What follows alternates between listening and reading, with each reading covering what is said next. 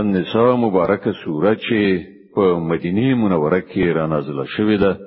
یو سلو شپږو یا مبارکه آیې لري تاسو تلاوت او پښتو ترجمه له لومړي آیت څخه اوري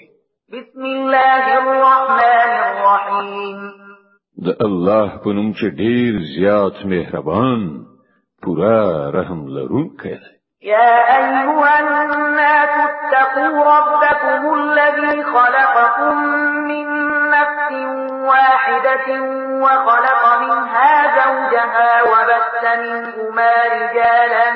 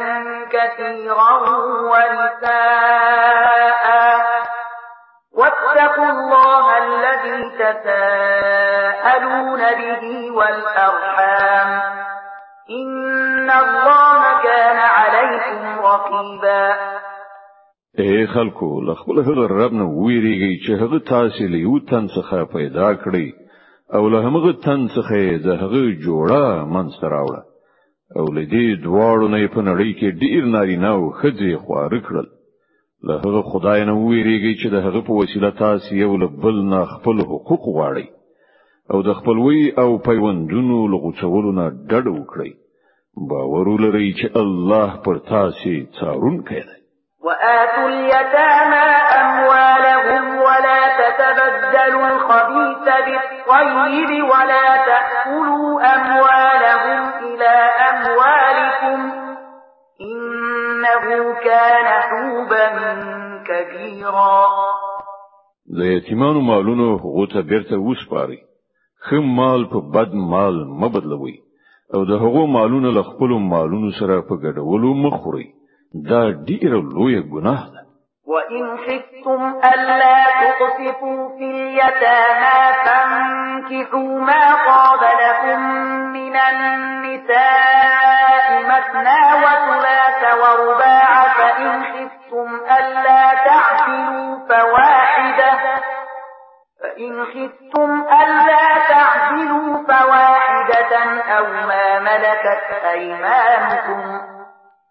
ذلك ادنى الا تعولوا که تاسو ویریږئ چې له یتیمانو سره به عدالت ونشئ کړای نو کومې خزي چې تاسو خوخیږي له هغو څخه له دو دریو یا څلورو سره نکاح وکړئ او کله تاسو سره دا اندېښنه وي چې له هغو سره به عدالت ونشئ کړای نو یو خزه وکړئ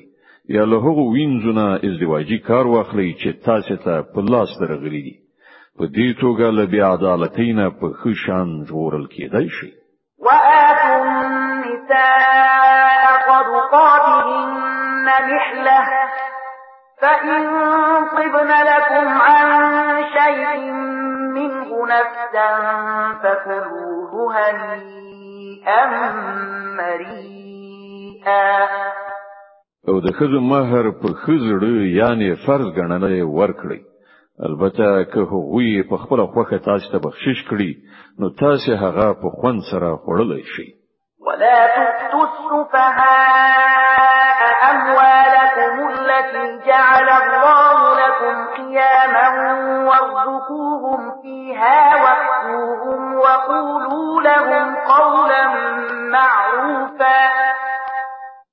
او ناپوهانو ته د هغوی مالونه مو ورکوي کوم چې تاسو په ولایت کې دي او الله هغه تاسو د ژوند د سمبالښت وسیله ګرځولې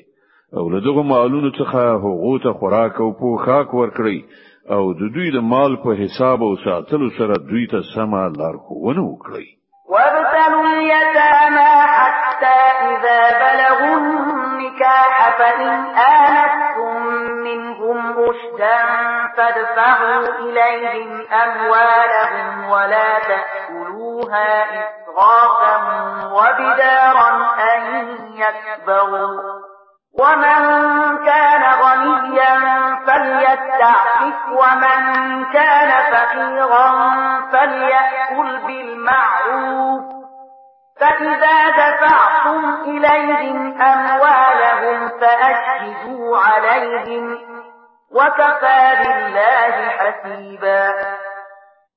او یتیمان تر ازموینې لاندې ونیسي تر دې پورې چې هغوی د نکاح کولو وړ سن ته ورسي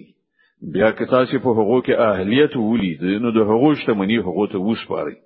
دا سه هیڅ کله مکوئ چې د انصاف له حد نه تیرای وکړي او له دې ویرې نه د هغو شتمنی په بیړه بیړه وخوري چې که هغوی لوی شي خپل حقوق به درڅخه وغواړي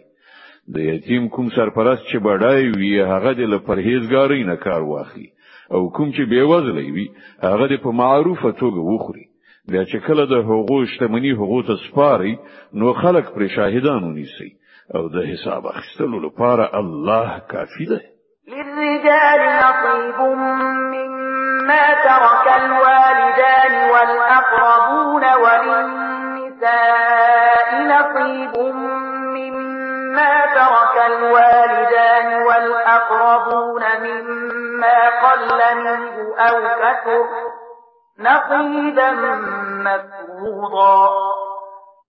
د نارینه لپاره په هغه متروکه کې برخه ده چې مور پلار او خپلوانو پیښي وي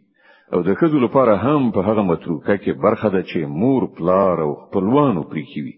که لږ وي او که ډیره او دا برخه د الله له لوري ټاکل شوې ده وإذا حضر القسمة أولو القربى واليتامى والمساكين فارزقوهم منه وقولوا لهم قولا معروفا او کله چې د ویش په وخت کې د کورنۍ خلک او یتیمان او بیوزلی راشي نو په دې مال کې هغه ته هم څه ورکړي او له هغه سره په خوږه ژبه خبري وکړي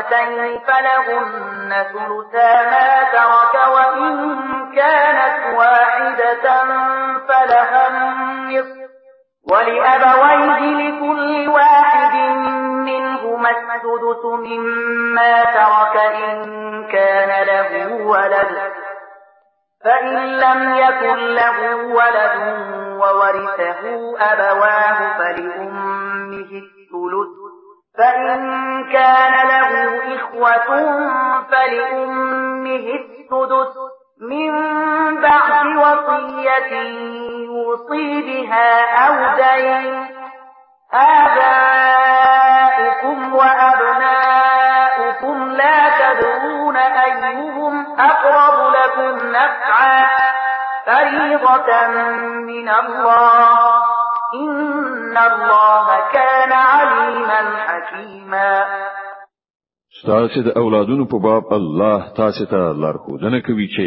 د نارینه او برخه د دوه خزو په اندازه ده که د مړي وارثان له دونه زیاتې لونی وي نو هغه ته د ترکی له دریو نه دوه برخې ورکړای شي او که صرف یو لور وارث وي نو نیمایي ترکه دی هغه ده